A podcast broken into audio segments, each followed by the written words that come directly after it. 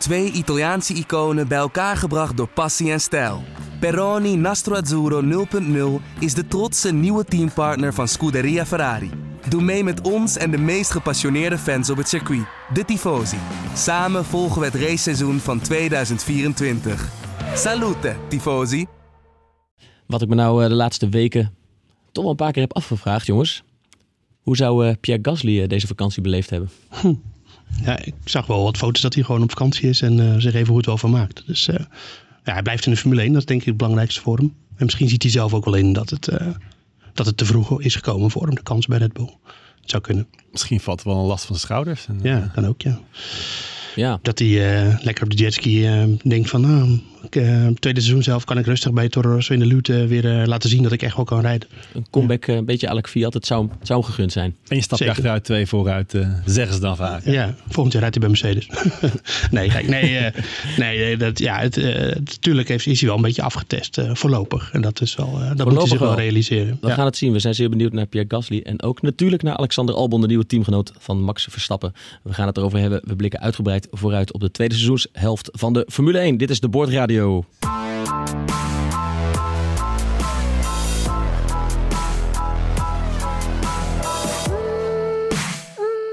Laat ik direct beginnen met goed nieuws voor onze trouwe fans. Want uh, op vele verzoek, de Boordradio is er vanaf nu elke week, iedere maandag. Niet alleen na iedere Grand Prix, maar iedere maandag. Want er is zoveel te bespreken.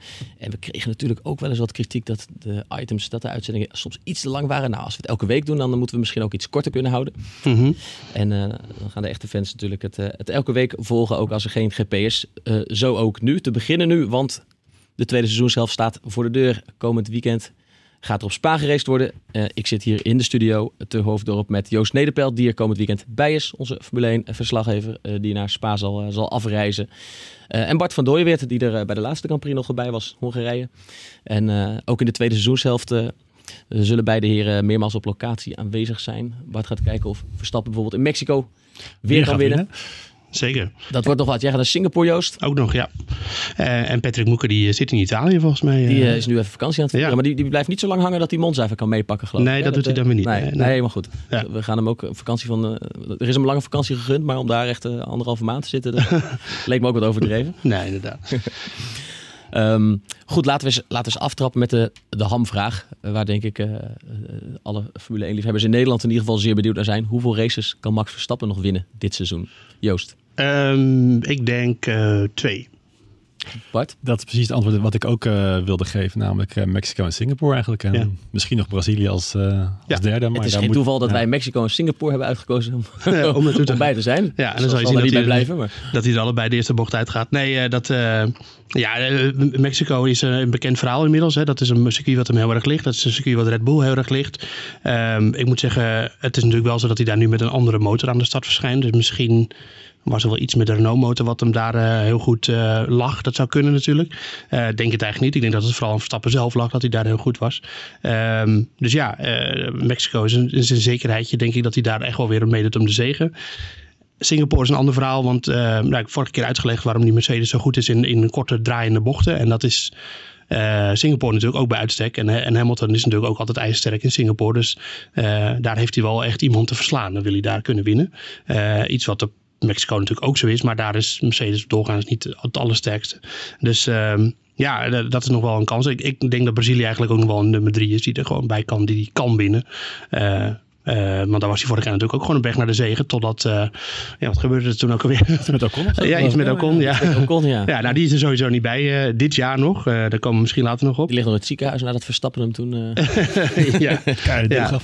Nee, die zag ik op Instagram. Die was met bestuurbare autootjes bezig. dus misschien is hij aan het oefenen hoe je jezelf unlapt zonder dat je de leider van de race eraf rijdt. um, Maar uh, ja, dus uh, dat zijn denk ik wel de, de, de races waar mensen naar uit moeten kijken. Dat wil natuurlijk niet zeggen dat hij bij die andere races niet mee kan doen om de overwinning. Want het is een beetje een gok. Uh, we, hebben, we hebben het eerder dit seizoen gezien inderdaad. Dat Verstappen ja. goed presteerde op momenten en plekken waar we het niet per se verwachten. Precies. Spa kan het ook gewoon best zijn dat hij meedoet om de zegen. Monza wordt een beetje lastig, denk ik. Maar, uh, maar Helmut Marco zei, ja. hè? Helmut Marco zei vijf, toch? ja, Hij voorspelde vijf zegens dit seizoen voor Verstappen. ja. Heeft hij voor het seizoen al Dus gezegd, hè? Precies, voor het Ja. seizoen heeft hij dat al gezegd. En eh, in de loop van de eerste seizoen zelf lachte iedereen hem op een gegeven moment uit. Maar ze kwamen dichterbij en dichterbij. En Verstappen ging winnen. Van nu kan het ja. Alleen hij heeft er nog inderdaad wel iets meer nodig dus dan, ehm, eh, dan alleen Singapore en eh, Mexico. Ja, nou ja, kijk, hij kan natuurlijk ook een van die andere races winnen, laten we wel zijn. Maar, eh, eh, want eh, Rusland kan hij zomaar ook winnen. Ik bedoel, dat is, dat is ook een race waar de auto misschien best wel eens goed kan presteren. Waar Mercedes misschien wel eens een beetje tegen kan vallen. Ja, ik weet het ook niet. Het, is, het, is, dat is het, het, het is het gekke van dit seizoen eigenlijk. Dat je eigenlijk wel te maken hebt met een dominant Mercedes natuurlijk.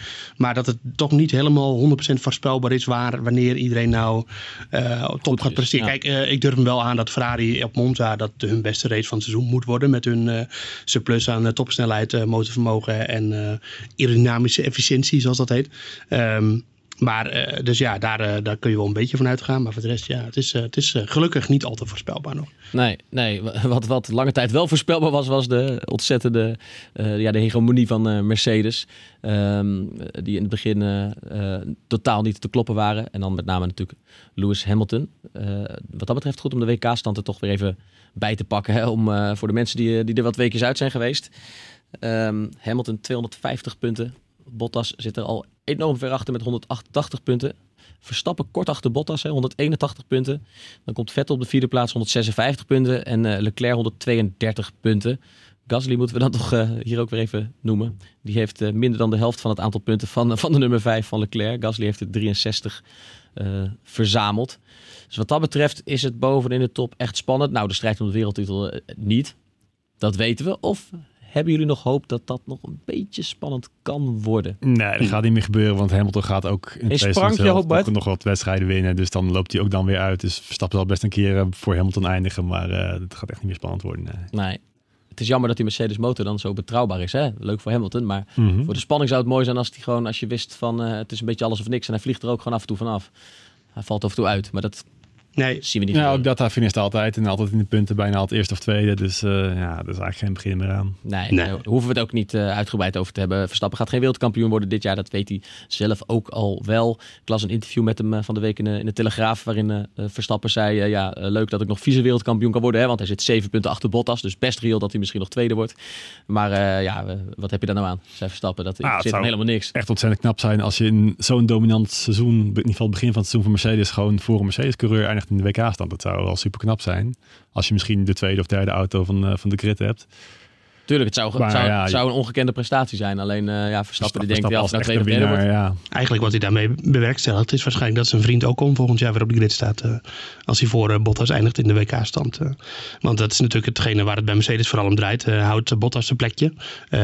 Nou ja, we hebben de laatste race toch Ik wel dacht wat- dat dat niet lang meer zou duren voordat we dat wisten. Ja, dat zal waarschijnlijk denk, ik, binnen nu in drie races wel duidelijk worden, denk ik. Eh, ehm, ja, het is voor Bottas wel echt zaak om, om, eh, om snel een paar hele goede resultaten te rijden. Want anders is het gewoon best wel klaar, denk ik. Want het is voor Ocon ook niet zomaar een andere plek eh, voorlopig. Ze hebben Ocon echt wel beloofd dat, er, dat hij rijdt volgend jaar. Ja, maar eigenlijk is de vraag gewoon... eh, Hamilton is natuurlijk 34. Die gaat over twee, drie jaar gaat hij stoppen. En dan moet Mercedes gewoon de nieuwe wereldkampioen al klaar hebben staan. En van Bottas weet je eigenlijk wel... die gaat waarschijnlijk nooit wereldkampioen worden. Nee. Net niet goed genoeg. Ocon is natuurlijk de vraag of hij dat in zich heeft. Maar ja, dat is maar één manier om erachter te komen. En dat is gewoon om hem nu een stoeltje te geven bij Mercedes. En dan kun je hem één of twee jaar aankijken Ja. of hij het in zich heeft. Wie zien zij als man van de toekomst? Eh, ze willen de, Nou ja. voor- de opvolger van Hamilton al naast Hamilton zetten, lijkt me. Ja, en kan Ja. Ocon het ook niet aan. Dan kun je altijd nog eh, een Verstappen of een eh, Norris of wie dan ook eh, halen als Hamilton stopt. Als Russell natuurlijk. wereldkampioen. Ja. Nee, dat is zeker zo. Eh, dat, is, eh, dat is iets waar ze, ze kijken toch wel echt wel vooruit. Ik vraag me ook wel eens een beetje af hoe in hoeverre Mercedes vooruit kijkt naar de, hoe lang ze zelf nog mee willen blijven doen met de Formule 1. Dat is ook nog wel belangrijk natuurlijk. Eh, dat hangt ook wel echt af van die regels van 2021, waar we het zo nog over gaan hebben. Maar ja, dat zou best wel inderdaad een goede reden kunnen zijn om, om, om Ocon nu al de kans te geven. En ja, ik denk dat ze na, na drie seizoenen Bottas eigenlijk wel genoeg gezien hebben wat dat betreft. Toch wel vaak betrokken bij crashes. bij de start niet altijd even eh, veel speedballen. Eh, toch op het moment dat het echt om druk gaat, is hij toch ook best wel zwak op het oog, oh, vind ik. En het is natuurlijk, we hebben vorig jaar heel lang gezien dat hij zich heel makkelijk schikt in een rol van tweede coureur. En dat hij, dat hij um, mag het alleen niet hardop zeggen. Nee, en dat hij Hamilton gewoon hielp. En uh, dat, uh, dat Wolf hem natuurlijk de wingman noemde. Nou, werd hij dan niet blij van. Maar ja, ja, was het wel. Laten we wel weten. Dus ja, wat dat betreft uh, is Bottas wat betreft de top plek bij Mercedes. De eerste manplek is hier gewoon al afgeschreven. Misschien logisch dat Bottas een stap à la Raikkonen gaat maken uh, na dit jaar. Ja, hij zei zelf ook dat hij daar al rekening mee hield eigenlijk. Dat hij opties heeft bij andere plan teams. B en zijn plan C ja. heeft hij al klaar. Er zijn natuurlijk genoeg teams die zo'n ervaren coureur... Ja. Hij wordt 30 deze zomer. Uh, hij heeft natuurlijk drie jaar lang uh, bij Mercedes sterkste team in de keuken kunnen kijken. Dus ja, ja bijna elk team zou je hebben. Ik zeggen, het is ja. al een bovengemiddelde coureur. Zeker weten, ja. Voor een team als Renault of zo zou die al een versterking zijn. Zeker. Uh, dus ja, wat dat betreft uh, denk ik dat het, uh, dat het wel klaar is eigenlijk met Bottas. En dan is het wel leuk, want dan zien we van de generatie Verstappen, Ocon, of ja, Ocon, dan horen dan natuurlijk bij ja, Leclerc, Leclerc, Norris. zien, we, die zien we nog weer completer worden binnen de Formule 1. En dat is toch eigenlijk wel, dat zijn de namen van de, de nieuwe lichting. De nieuwe lichting. En die, die halen het wel bijna allemaal. die jongens die in de Formule 2 met elkaar reden en Um, of uh, op de karts zelfs natuurlijk. Albon. En Albon is daar natuurlijk ook een goed voorbeeld van. En, uh, ja, dus dat is, dat is wel echt uh, iets om naar uit te kijken. Volgend jaar of het jaar daarna Mick Schumacher nog in de mix. Zou ook leuk zijn. dus ja, wat dat betreft ziet het er echt goed uit. Wat betreft de coureurs die de Formule 1 de komend jaar gaan domineren. Ja, en de verschuiving is, is begonnen naar de nieuwe, gaan, naar de nieuwe ja. generatie. Is, is volle bak aan de gang. Ja. ja. Um, ander heel relevant onderwerp, denk ik, is uh, wat ik mezelf dan altijd afvraag: wat gebeurt er in de zomer? Ja, ze gaan op vakantie. Ja, de fabrieken moeten dicht. Maar, maar niet de hele zomer. Hè? Er, zijn, er zijn regels voor. Ja, je hebt drie weken uh, zomerstop, waarin de fabriek dan twee weken dicht moet zijn. Uh, alleen, ja, Bart en ik zat er net al even uit te zoeken, maar ze mogen bijvoorbeeld niet mailen met elkaar over technische dingen, maar ze mogen wel. Vanaf het werk e-mailadres. Dus ja, ja. Dat, dat, kunnen ze dan kennelijk controleren. Maar ja, als we elkaar gaan bellen of zo, dan is het natuurlijk niet te nee. controleren. Dus ja, En, en wie controleert? Kijk, die fabrieken, uh, ja, die zijn hartstikke uh, groot. Um, uh, wie controleert dat? Hebben ze daar, uh, heeft de VIA allemaal spionnetjes rondlopen uh, die daarop op toeziet? Ik bedoel, ja, en dan zijn de grote fabrieken dicht, maar misschien gebeurt er ergens op een achteraf plekje op een industrieterrein, ja, wordt er stiekem wel aan de auto gewerkt. Je kunt altijd een ander bedrijf een, een onderdeel van je auto laten produceren natuurlijk, dat valt niet te controleren. Maar ja, ja. Nee, maar die teams, beetje... bedoel, elk detail is meegenomen, elk detail ja. is belangrijk, dus elk uur dat je extra aan die auto kan, kan werken, hè, richting die, in, die, in die periode van bijna een maand dat het, dat het stil ligt, dat is natuurlijk meegenomen. Dus dit is natuurlijk echt ehm, ja, hoe zeg je dat? Uh, het risico dat er gesjoemeld wordt is ja. natuurlijk wel heel groot. gebeurt inderdaad allemaal denk ik te veel ter goede trouw. En uh, die Formule 1 uh, monteurs, het zijn ook wel mensen die een enorme baan hebben, die de hele wereld rondreizen. Dus die plannen natuurlijk die week, drie weken vakantie al ruim van tevoren om ja. weer bij hun gezin of wat dan ook te zijn. Dus die gaan ook even met de, de. De meesten zullen echt wel gewoon even niet aan het werk zijn. Maar ja, inderdaad, je kunt best voorstellen als een team als Ferrari, wat gewoon in geen beste eerste seizoen zelf heeft gedraaid, dat hij toch stiekem wel een beetje zoekende is ja, daar nog ruimte. De regels van de, de marge van de regels aan het opzoeken maar Italianen zoeken nooit het grijs gebied op. nee, nee, nee, nee. nee. Die waren heel hard aan het roepen dat ze heel erg aan vakantie toe waren. Ze waren ze zelfs zo nadrukkelijk aan het zeggen dat ik dacht, hmm. ja, nee, als je alleen al naar Ferrari kijkt, die zitten in Maranello, hebben ze een, gigantisch complex waar natuurlijk ook gewoon de autofabriek zit van Ferrari. En daar, is het, uh, daar zit het Formule 1 team gewoon in geïntegreerd. Dus ja, je kan eigenlijk niet echt controleren of er nou wat gebeurt of niet. Je moet en, en, en, en, wat blijkt, het, het wordt niet eens gecontroleerd. Het is meer een soort van gentleman's agreement van dat doen we niet. Maar, uh, is dat zo? Maar dan kan ik me voorstellen dat Mercedes nu meteen op een voorsprong die ze hebben heel erg bevreesd is dat Ferrari stiekem van alles gaat doen. Die teams ja. bedichten elkaar altijd van, van, ja. van dat soort trucjes. Ik kan me voorstellen dat Mercedes misschien wel uh, ja, ik heb dat eigenlijk, naar Maranello stuurt om, om te kijken. Stiekem wat foto's dat te maken. Is, is het wel, nee, serieus? Is het wel eens gebeurd in het verleden dan? Nee, heb ik, dat in die zomerstop in die periode dat het stil ligt, dat, daar, dat de teams bij elkaar gingen, gingen spieken? Of dat er foto's uitlekten? Ja, het is, het is nou, het is wel al een jaar of 7, 8 volgens mij zo. Maar um, nee, ik heb daar geen verhalen van gehoord. Maar uh, ja, ik, uh, het, is, het zou best kunnen dat er nu een, continu een grijze Mercedes rondrijdt in Maranello. Die ook kijkt of er niet ergens het licht brandt s'avonds. ik denk ja. niet zo maar de Mercedes. Maar ja, wat, het, wat, ook alweer, wat ook alweer gek is, dat de motorfabrikanten mogen wel gewoon doorwerken. Um, dus ja, en Ferrari en Mercedes zijn natuurlijk ook hun eigen motorfabrikant. Dus dat is ook alweer een beetje ja, schimmig. Dat, ja, ja, het zit en, allemaal onder één dak. Ja, precies. En, uh, en uh, Honda zit helemaal in Japan. Nou, dat, als daar doorgewerkt wordt, dan dat heeft helemaal niemand door natuurlijk. Laten we wel wezen. het is niet zo dat er iemand in Japan nee. daar op de loer ligt, denk ik. nee, maar goed, die mogen dus ook open zijn. Die, die mogen ook open zijn, en ja. dat is dan weer misschien wel in het belang van Honda. Als je kijkt naar, die zijn nog niet zo lang aan de gang met Red Bull. Het gaat tot nu toe hartstikke ja. goed. Maar zij kunnen misschien nog de grootste stap maken. Zeker. Nou ja, ze zijn natuurlijk bezig met die nieuwe motor. Um, de Spec 4. De Spec 4. Nou, die komt dan dan eh, Spa of Monza. Ik denk dat dat Monza wordt. Want in Spa eh, kunnen ze denk ik wel echt gewoon meedoen voor het podium eh, Red Bull. Dus dan wil je geen gridstraf eigenlijk. En in Monza is, heeft twee voordelen. A, de kans dat ze daar winnen. Ik denk dat ze dat van tevoren al een beetje bedacht hebben van nou dat wordt heel lastig. En B, je kan daar wel heel makkelijk inhalen. Dus van achteruit komen is, is heel goed te doen. Dus als je het ergens doet, dan Singapore wil je het sowieso Jij zegt doen. Red Bull gaat op Spa, sorry, op Monza een gridstraf pakken. Dat denk ik wel. Ja. Met de nieuwe motor. Tenminste, dat lijkt mij het meest logische. Ik, ik, ik zou, als zou ik zelf eh, teambaas zijn, dan zou ik dat op die manier doen. Ja, ja want eh, Singapore wil je het sowieso natuurlijk niet. Dan wil je gewoon zo ver mogelijk vooraan starten, want inhalen is daar best lastig. Ehm, ja, en wat ik zeg, Spa, daar kun je gewoon eh, meedoen het om het podium. Dus dan moet je niet een gridstraf hebben. En met die Spec 4 motor moeten ze dan het seizoen afmaken. Dat, dat hoeft niet. Dus ze kunnen Nee. nog een gridstraf nemen als Nee, dat maar ik bedoel, dat zal het doel zijn. Eh, Ik denk het wel, ja. ja met, het kan best zijn dat ze in het kader van de ontwikkelingen en weten, hè, als, ik, als je Verstappen al hoort en die zegt van ja, vice wereldkampioen maakt me niet zoveel uit. En, als ze, en ze willen eigenlijk nog een nieuwe motor introduceren in eh, Brazilië of zo, eh, om te kijken hoe die het houdt in de races. Ja, dan denk ik dat ze dat even goed gewoon doen. Want eh, ja, ze doen nu toch niet mee voor de wereldtitel. Dus dat, eh dat kun je, nog je wat kunt om te- experimenteren wat je wil. En anders dan schroef je hem gewoon in de Toro Rosso en dan eh, start, start Gasly elke keer achteraan. Dat kan natuurlijk ook. Dat, eh, Als extra trap na. oh, die Ja, Gasly. Ja. Dus, Ehm, eh, laten we het even over zijn opvolger hebben van Ja. Gasly, Alexander Albon. Want ehm, eh, in de zomerstop, ehm, in veel andere sporten worden dan veel transfers gedaan. In de Formule 1 eh, wat minder, maar één belangrijke transfer deze zomer. Ehm, Alexander Albon is eh, in, de, in het stoeltje van Gasly eh, geschoven. Eh, wat, wat, kunnen we, ja, wat kunnen we verwachten? Ja, ik vind het eigenlijk onbegrijpelijk dat ze niet voor Fiat hebben gekozen. Want het is eigenlijk een korte termijn oplossing. Hè? Gasly eh, is niet goed genoeg voor de laatste negen races. Wil je dan een coureur die waarschijnlijk wel goed genoeg is? Nou ja, Albon natuurlijk weer aan een nieuwe auto. Is de vraag of hij het überhaupt aan kan. Fiat heeft al ervaring van eh, ruim een jaar in die Red Bull gereden. En eh, ja, is ook gewoon aantoonbaar beter dit seizoen dan Albon.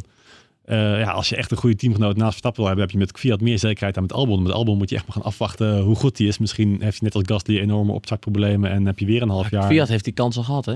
Ja, maar ja, dat is wel zeggen. jongen met wat ervaring. En die, hij zal inderdaad niet zo goed als Verstappen zijn, lang niet. Maar ja, zoals in de afgelopen race in Hongarije, waar Verstappen echt baat had gehad bij een goede teamgenoot die misschien 20 seconden achter hem had gereden. Dat had Fiat waarschijnlijk eerder gekund dan, dan Albon, denk ik. Ja, maar Albon's prestaties zijn dit seizoen toch ook best wel prima. Misschien juist omdat mensen van Albon niet zo heel veel verwachten. Toen Ja, hij het hij doet het inderdaad boven verwachting. Maar Ja. ja, het, is, ja, het is wel een jongen die net komt kijken en die misschien nog Ja. best een keer een foutje zal maken. En, eh, Nou, het interessante aan Albon is natuurlijk vooral dat Red Bull hem eigenlijk al had afgeschreven. Ja. Eh, en vervolgens, eh, bij gebrek aan beter, werd hij in die Toro Rosso gezet. En, Ja. en toen bleek, ble- bleek hij eigenlijk toch best wel goed te zijn. Hij had nu eigenlijk in de, in de Formule E moeten rijden bij Nissan. hij had al getekend. Daar had hij al een contract voor, daar hebben ze nog weer uitgehaald. Ja, nee, ik ben, ben wel met je eens, zo Bart, dat, dat de Fiat eigenlijk de, had ik zelf denk ik ook voor gekozen. Eh, toch, het kwalificatieduel onderling is 6-6. Dus eh, ze, het is niet zo dat, de- dat Fiat in de kwalificatie aantoonbaar echt veel beter is. En als je kijkt naar het wereldkampioenschap is het wel zo dat, eh, dat Fiat er natuurlijk boven staat. Maar dat Ja. komt wel echt vooral dankzij die lucky... Eh, zo mag ik het wel een klein beetje noemen. Lucky, Lucky derde plaats in, eh, in Hockenheim. Ik wil zeggen, heel knap onder moeilijke omstandigheden. Ja, dat is ook zo. Nee, het was, eh, ik wil ook niets afdoen aan die derde plaats. Maar het was wel dankzij een strategische zet van het team natuurlijk. En het feit dat hij hem op de baan hield. Dat ook. Eh, ik vond, ik vond ook Albon in die race staat op goed. 27 punten en Albon op 16 in Ja. afstand. Maar de, de reden waarom ik het eigenlijk vooral wel met, met Bart eens is ben, is dat, dat je dus gaat kijken naar, naar, naar Gasly, die dus binnen, met heel weinig ervaring, hè, eh, eigenlijk maar een seizoen en een paar races in 2017 heeft hij nog gereden, al de stap maakt. Nou ja, dat, sommige coureurs kunnen dat. Eh, sommige coureurs die winnen dan gelijk een eerste race. Ja. Eh, noem hem Max Maar Verstappen. Albon heeft maar 12 races ervaring Ja. en Verstappen had meer dan een seizoen natuurlijk gereden Precies. voor Toro Rosso. Albon heeft die, zo eh, weinig ervaring. Ja, en Fiat heeft die ervaring weer wel. Ja, precies. En eh, kijk je naar Leclerc, oké, die heeft ook één jaar gereden eh, in, bij, bij Alfa Romeo, toen nog Sauber. Ehm, en die, die heeft ook die stap succesvol gemaakt, dus het kan wel. Maar 12 races is wel echt heel weinig hoor. Eh, aan de andere kant kun je ook zeggen dat, dat hij best wel wat ervaring heeft in de juniorklasse. En ja, als ik Hamilton kijk, die stapte in 2007 ook gewoon in bij McLaren. En die won gelijk in het eerste seizoen mondial eh, races. Dus ja, het kan wel. Eh, We gaan, we gaan nu zeg maar, hè, Albon kreeg best wel positieve kritiek. Omdat mensen niet superveel van hem verwachten toen hij in die Toro zo stapte. Maar we gaan nu eigenlijk zien hoe goed hij nou echt is. Ja, maar ik moet wel zeggen dat ik tijdens de races wel echt goede dingen van hem gezien heb. Vooral qua ingevecht en zo komt hij best wel overtuigend over. Eh, die race in Duitsland was hij ook echt, eh, was hij echt goed. En dus zat hij gewoon goed in de duels. Doet geen rare dingen. ehm, fout niet om de, om de race een auto eh, dubbel of zo. Nou goed, hij heeft af en toe een crash, maar dat heb je gewoon in je debuutjaar.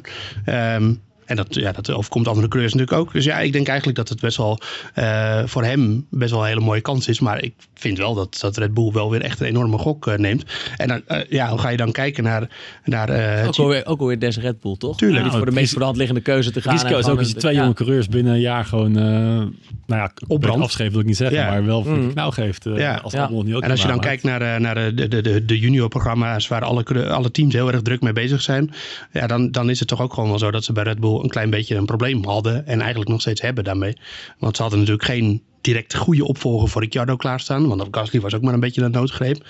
Uh, en nu hebben ze dus ook geen echt goede vervanger voor Gasly. Want Albon na 12 races, normaal gesproken doe je dat niet. Nee. Uh, dat is toch gewoon... Uh, er zit geen Leclerc waarvan zegt iedereen, nee. waarvan iedereen zegt van ja, bam, duidelijk, dat moet Precies. Worden. En als je dan kijkt naar Mercedes, die dan Russell hebben, die dan Formule 2 kampioen is en nu zijn eerste meters maakt bij, bij Williams. En die hebben ook Ocon nog achter de hand.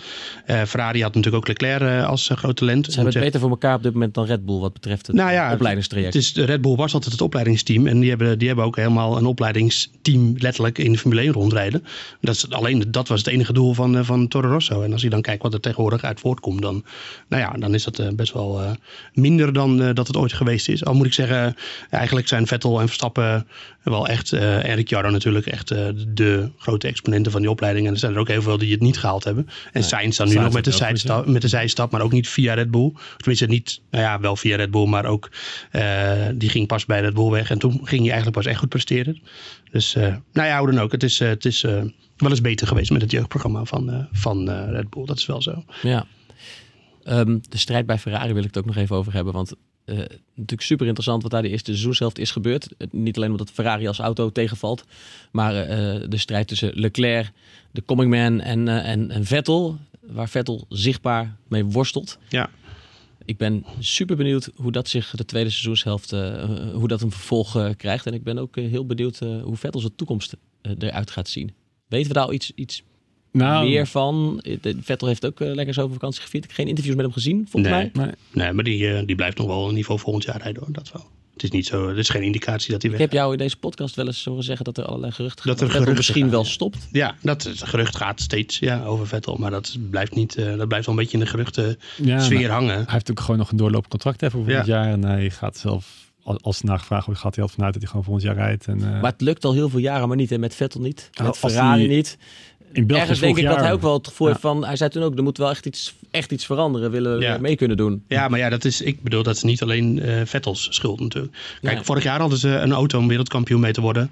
En eh, had Vettel toen op zijn top van zijn kunnen gepresteerd, dan had hij waarschijnlijk wereldkampioen geworden. Daar ga ik wel een beetje van uit. En dat deed hij niet. Want Precies, toen had hij het aan zichzelf te wijten. had hij het aan zichzelf te wijten. En dat volgens mij erkent hij dat zelf ook wel een beetje.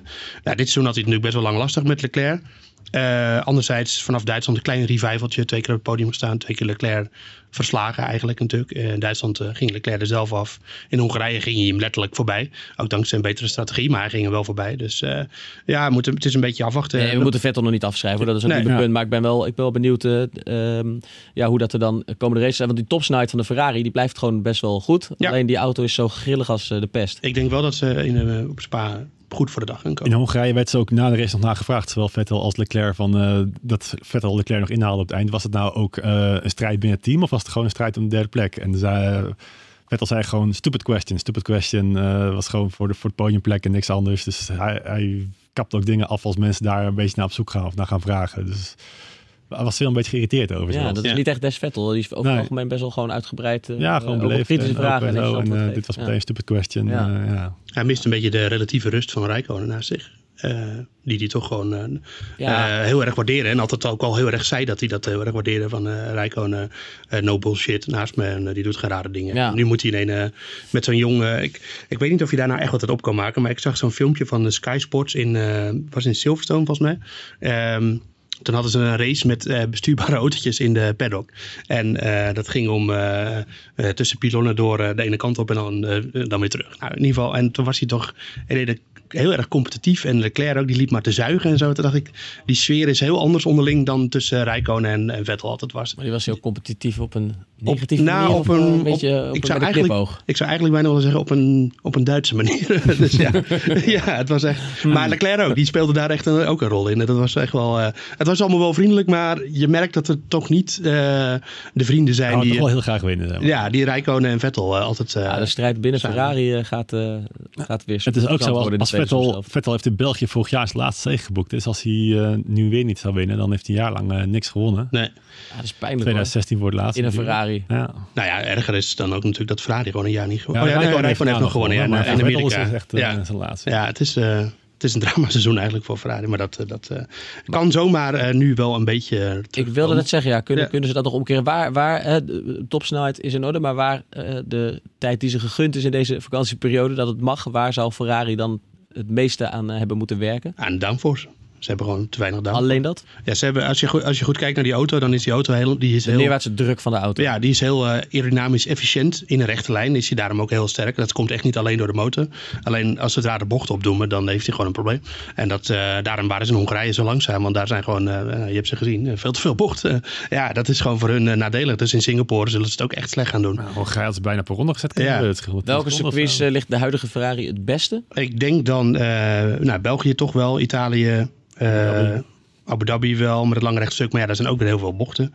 Ja, Brazilië misschien. Japan Eh, misschien nog een beetje. Japan en Amerika heb je ook een lang rechtstuk. Maar ook daar zijn... Dus, kortom, Ferrari kan gewoon nog zes races winnen. Nee, nee, nee. nee, nee. Ik, de enige waarvan ik wel... Je noemt een aardig lijstje. Ja, dat gaan ze beter doen dan in Hongarije in ieder Ja, geval. maar Maar, goed. eh, maar eh, de enige race waarvan ik denk dat ze hem kunnen winnen is, eh, is eh, Italië. toch? Italië. Ja.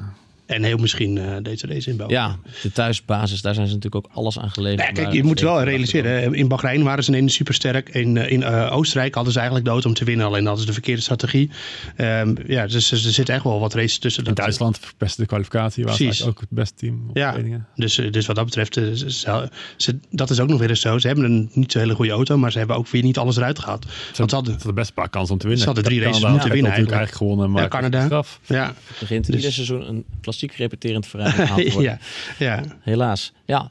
Eh, wie weet kunnen ze het in de tweede seizoenshelft eh, nog wat spannender maken. En hebben we, hebben we straks eh, echt nog vaker drie teams die om de overwinning strijden. Nou ja, het is wel echt goed voor de Formule 1 als, als Ferrari dit, dit seizoen nog wel een race wint. Dat voor de diversiteit in winnaars en zo. Is dat Zeker, we echt, hebben eh, net eh, voor de zomerstop al een paar spectaculaire races gehad. En dat was niet per se te danken aan Ferrari. Eh, Nee. Maar als Ferrari zich hier ook nog in gaat mengen, Ja, dan wordt het, eh, dan wordt het gewoon eh, een geweldig tweede seizoenshelft. meer eh, duels tussen Leclerc en Verstappen. Dat, eh, Ook dat, dat smaakt echt naar meer. Ja. Zeker, ja.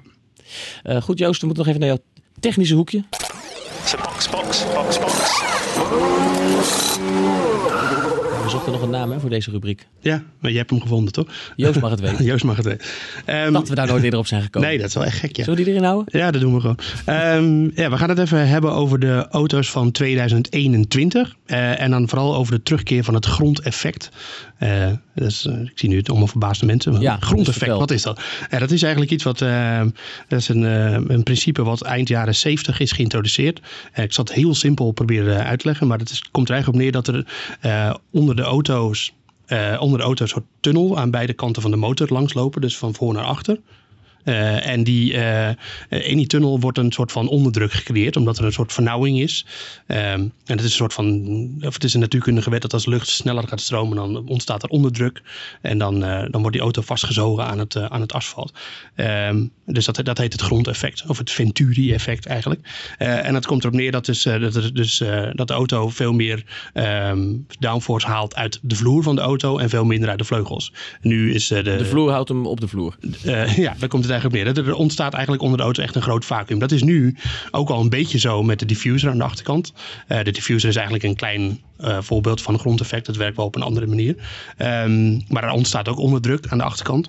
Eh, maar met het grondeffect zoals ze dat eh, in 2021 weer willen introduceren, dan is dus, zijn de vleugels eigenlijk veel minder relevant. En je zag ook in de jaren, eind jaren 70, vooral begin jaren 80, dat die auto's allemaal grondeffect hadden. Dat ze soms de vleugels helemaal niet nodig hadden. Dat die auto gewoon zo aan de weg gezogen werd dat die, dat die gewoon... eh, Is het doel hiervan compactere auto's en Nee, makkelijker meer inhalen? meer inhalen Ja, is het doel. natuurlijk. Ja, maar waarom is het ooit afgeschaft? Het is ooit afgeschaft omdat het gevaarlijk was. Want het, het werkte met een soort van eh, ja, skirts, heette dat. Een soort van eh, platen aan de zijkant die de, die de, de vloer helemaal afsloten. Waardoor de lucht niet aan de zijkant weg kon. En dat brak wel eens af. En dan reed iemand binnen een bocht. En dan, of dan ging ineens de onderdruk weg. En dan raak, je al je downforce kwijt. Dan en vlieg je letterlijk de en lucht dan, in. dan hak je, nou dat niet, maar dan hang je wel goed in de hekken. Dat, dat- en toen waren er alleen maar hekken, bandenstapels had je bijna nog niet. Maar ja, tegenwoordig is Formule 1 natuurlijk veel veiliger, dus kan dat wel weer. En het voordeel, ja, je zei het net al, omdat je dus veel minder uh, verstoring hebt uh, van de vleugels die er op de auto zitten. En dat de auto's daar ook minder van afhankelijk zijn, kunnen ze veel dichter achter elkaar rijden, is de theorie. En ik denk ook wel dat het de praktijk is. Uh, want het is eigenlijk heel erg logisch. En ze, ze zijn nu dus ook bezig met een auto testen in de windtunnel. schaalmodel van de, de helft van de, van de grootte van de Formule 1 auto. Um, dat gebeurt nu? Dat gebeurt nu. tenminste, daar zijn ze mee bezig. Um, en ja, dus het voordeel is dan dat je dus veel beter achter elkaar kunt rijden. Veel minder last hebt van de vuile lucht, zoals dat heet. Dat je dus uh, dat de lucht, uh, of de auto voor je de lucht dusdanig verstoort dat jouw vleugels dat minder jij, effectief zijn. Ja. ja. en dat je dus vertraagt. En, en dan gaat, gaan je banden eraan. En dat is eigenlijk uh, het hele doel van het, van het grondeffect. Er zitten alleen nog wel een paar mogelijke kindjes in de kabel. Want het, de Formule 1 is dus echt nu heel erg aan het bewegen naar een soort van standaard auto. Niet zoals we dat kennen uit IndyCar of NASCAR. Of, niet helemaal standaard, niet maar helemaal, met wel veel standaard onderdelen. Met heel veel standaard onderdelen. En er zijn nu al wel weer uh, stemmen, ik noem geen namen, Ferrari, die vinden dat, uh, dat het uh, te veel standaard onderdelen zijn. Dat het, het eigen karakter van de Formule 1 daarmee verdwijnt. Um, daar denk, moeten ze een middenweg in. Ja, ik denk wel dat ze daar in ruil wat voor terugkrijgen. Want de Formule 1 wilde ook heel graag goedkopere motoren. Terwijl de teams en de fabrikanten allemaal zeggen van ja, hallo, we hebben net uh, zoveel honderden miljoenen in die motoren gestopt. Uh, om die turbomotoren helemaal te ontwikkelen zoals ze nu zijn. En dan gaan we straks weer nieuwe motoren maken. Dus het gaat er wel op neerkomen waarschijnlijk dat ze die motoren dan mogen houden. Uh, alleen dan ja, krijg je wel dus een, een, een heel ander soort uh, Formule 1 auto. Het lijkt dus. verder helemaal niet op politiek. nee, het heeft niks mee te maken. Nee, de politiek bestaat niet in de Formule 1. Um, dus ja, dat is de richting waar ze naartoe gaan voor 2021. En um, ik denk dat het een goede richting is. Want maar met als ultieme doel dus meer inhaalacties, meer, meer inhaalacties, ja, meer spektakel. Uh, ja, minder, minder Kijk, dat is voor heel veel mensen ook niet te begrijpen. Waarom kan het pas in 2021? Het is nog zo ver weg. Ik wil nu meer spektakel. Ja, dat is niet zo. Het is nogal een dure ontwikkeling om dat allemaal uh, te implementeren. Dat is het vooral van de Formule 1. Uh, schroomt soms niet om uh, tijdens het seizoen de spelregels te veranderen. Nee, maar dit is wel echt te, te grondig om dat in één zomer te doen. dat kan voor volgend jaar ook nog niet. Maar het jaar erop, dan kunnen de teams in ieder geval mee aan de slag. Nou, het lijkt er toch wel op dat dat er gaat komen in ieder geval. Die, dat grondeffect. en als we dat hebben, dan heb je wel echt een, een heel ander soort racerij, denk ik. Het, het, is niet zo dat het er optisch in een heel anders uit gaat zien. Maar je zal, je zal vooral zien dat ze gewoon veel beter met elkaar een duel kunnen. Nou ja, dat uh, kunnen we alleen maar aanmoedigen. Dat is iets om ontzettend naar uit te kijken. Ja, zeker. Alleen uh, er zit wel één klein nadeeltje aan dit hele verhaal. Uh, de, A, de teams, die liggen dus nog een beetje dwars. Mm -hmm. um, en B, als ze dus die motoren houden zoals ze ze nu hebben. Nou ja, we hebben gezien hoe lang het voor Honda duurde voordat ze up to speed waren. Dat maakt de drempel om in te stappen voor andere fabrikanten wel weer hoger. Want ja, er zijn best wel veel fabrikanten die misschien mee willen doen, maar die zeggen dan ja, het is nu te duur. Weet je wel, en het is ja. zo uh, ontwikkelingstraject om die motor te maken zoals die uh, competitief uh, kan zijn. Juist ook een van de redenen om die regels zo te veranderen, om het voor meer ja. aantrekkelijk te maken om Precies, te beginnen. dat is de tegenstrijdigheid eigenlijk. Dus, ja, ze willen het laagdrempeliger maken om in te stappen voor teams, maar dat ga je op deze manier niet bewerkstelligen. Nee, want uh, het is ook uh, het verhaal dat je dan de, de, de budget cap krijgt. Dus dat je dus uh, een, een beperkt budget mag spenderen over een seizoen. Maar daar zou de motor dan weer niet bij horen. Terwijl dat is de dure factor. Weet je? Dus ja, dus valt nog heel veel uit te, te, te onderhandelen. Maar sorry, ik denk wel dat de, de ontwikkeling van het grondeffecten zoals die nu gaande is. Ik denk dat de meeste teams daar wel voorstander van zijn. En dat ze dat we wel doorkrijgen. Dus dat... Dat zou leuk dat zijn. Dat wat interessant. Ja, we, krijgen een, we de... krijgen een video trouwens deze week waarin uh, uitgelegd wordt hoe dat werkt. Dus uh, op nu.nl Deze te zien. Nu.nl. Ja, dus dan uh, mijn woorden gevisualiseerd is toch altijd net even beter. Precies, dan volstaan we daar volgende keer ook in de podcast mee. En dan, oh nee. ja, verwijzen we gewoon naar een video. ja. goed, komend weekend tot slot. Spa. Um, even een iets dieper duikje in, in deze Grand Prix gaan nemen. En wat we daar kunnen, kunnen verwachten. We hebben het al een beetje doorgenomen, maar gaan, gaan we daar nog verrassingen zien of gaan we niet verrast worden en wordt het toch gewoon weer Mercedes? Ik denk wel dat Mercedes inderdaad wel weer gaat winnen. Het zal wel echt een, kan wel echt een Prix zijn waarin drie teams uh, heel dicht bij elkaar zitten. Uh, Ferrari, Mercedes, Red Bull natuurlijk. Dus het kan wat dat betreft wel heel mooi worden. Maar ja, in Hongarije zagen we toch ook dat, dat Mercedes toch net iets sneller is dan Red Bull. En uh, ja, geen reden om aan te nemen dat het in België anders zal zijn. Nee, je, je, het grappige is dus dat je Spa is natuurlijk een heel wisselend circuit met uh, vanaf start-finish eigenlijk uh, en dan heel lang vol gas. Mhm. Tenminste, in de kwalificatie sowieso. In het begin van de race zullen ze door de Eau Rouge en Radion nog niet eh, vol gas gaan, denk ik. Met volle tanks. Ehm, je zal waarschijnlijk gaan zien dat Ferrari in het eerste deel heel sterk is. Dan komt het tussengedeelte met alle bochten. Nou, daar zal Mercedes wel weer heel sterk in zijn. En dan heb je nog een eh, vol gasgedeelte vanaf Stavelo tot aan eh, de busstop. En dat is dan weer Ferrari territorium. Ehm, dus eigenlijk zou je zeggen, je hebt een auto nodig die een beetje van beide heeft. En die heeft Red Bull. Dus eh, ja, ehm, Mercedes heeft dit best wel topsnelheid problemen gehad dit seizoen al. Ehm, niet dat ze dan echt langzaam zijn, maar die auto is gewoon duidelijk eh, heel erg afgesteld op het, bochtenwerk. eh, hebben we al naar het weer gekeken? Hoe warm wordt het? De koelingsproblemen van Mercedes? Hoe warm Nee, wordt het op Spa? Het, eh, volgens mij wordt het komend weekend ehm, koeler dan dit weekend. Dus eh, ja, over regen. eh, ik ben vroeger best vaak op de, in Dardenne op vakantie geweest. En weersvoorspellingen, daar kun je daar net zo goed niet aan doen. Want het, eh, het komt in het gaten. Dat, eh, ja. De- ik ben ook wel eens bij de Grand Prix geweest daar. Dat het, eh, dat het sowieso droog zou worden. En toen regende het in een, eh, 10 minuten voor de start. Dus dat, eh, Mm. ja, Dat was vorig jaar ook hè, met de kwalificatie. Dat Ja. opeens laatst de Q3 opeens begon te regenen. Ja. En Ocon was had ook niemand aan zien komen. eh. Het Nee, zou, dat was- zou leuk zijn als, Ja. als, als er nog een verrassende wending in het weer zich voordoet. Die van invloed is op, eh, op de race. Meestal eh, stellen de Ardennen daarin niet teleur. Dus eh, we gaan kijken hoe het loopt. We gaan kijken hoe het loopt. En daar sluiten we mee af voor nu.